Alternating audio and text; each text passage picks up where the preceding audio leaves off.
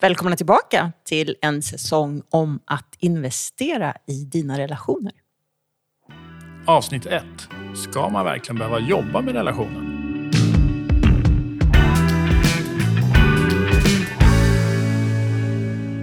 Ja, det tycker vi ju, eller hur? Men när ska man börja med det då? Det är ju självklart att man ska jobba med relationen. Lite hela tiden, gärna. Men tänk om jag har den här romantiska bilden av att det ska ju bara funka. Så om det inte funkar så, så är det väl dags att gå vidare, eller? Tänk så här. Ester Perel pratar ju ofta om att eh, när man är i en relation så har man många olika uppgifter. Man blir älskare, man blir fru, man blir mamma, man kan bli eh, många olika uppgifter. Man har ju noll utbildning på någonting. Det är klart man måste träna på dem och lära sig och bli bättre på sådana. Okej, så om vi tänker att det är så, så när skulle vi ha börjat jobba på det här då? Innan vi träffades. Oj, men det går ju inte. Nej, men eh, så fort kärleks eh, förälskelsefasen lägger sig så, så måste man prata ut och, och hitta rutiner. och eh, Det är som ett, ett virusskydd. Det går inte att installera när man har fått viruset och det, relationen är tråkig och man eh, tycker att inget funkar. Okej, så typ åka till bilbesiktningen en gång om året eller åka till tandläkaren en gång om året eller alltså innan det är för sent. Liksom. Bara hålla koll hela tiden, eller? Ja, de grejerna du nämnde är ju självklara att man gör. Men relationen verkar folk inte tänka eller tro att man måste jobba med. Ja, jag skulle också vilja tänka att man jobbar med den varje dag. Typ som att vi går och tränar varje dag. Eller i alla fall går ut och rör kroppen någonting varje dag. Innan du blir för tjock eller orörlig eller för stel.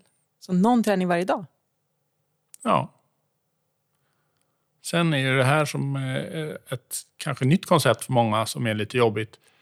Att eh, du har egna behov, din partner har behov, men relationen har också egna behov. Aha, så relationen har också de här behoven, liksom äta, sova, ligga, vila, you know?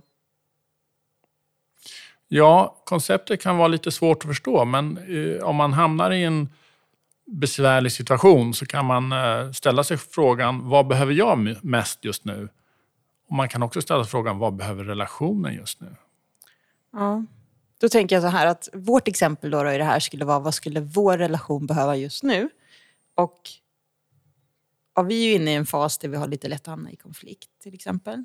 Så just nu så behöver vi anstränga oss lite extra för att inte smittas av att den andra är negativ. För då hamnar vi båda två i en sån här negativ spiral. Så vi måste anstränga oss för att vara i den här positiva spiralen.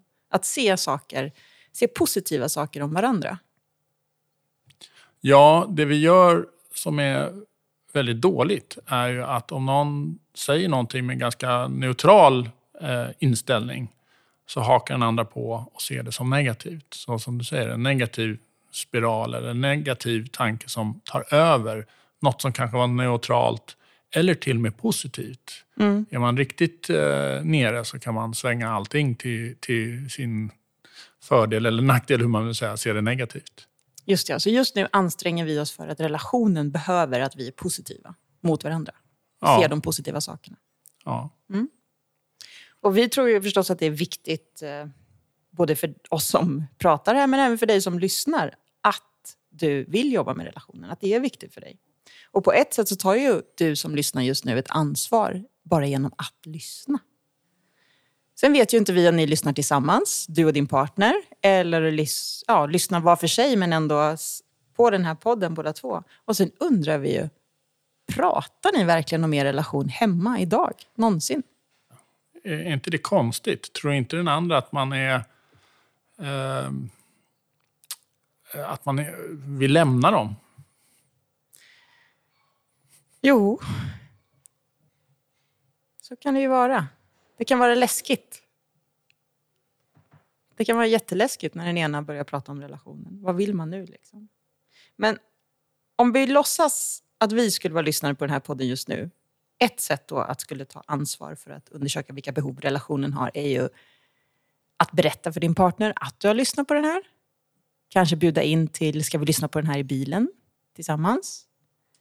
Eller kanske ställa frågan, Och jag skulle vilja undersöka tillsammans med dig hur vår relation har det idag och vilka behov den har.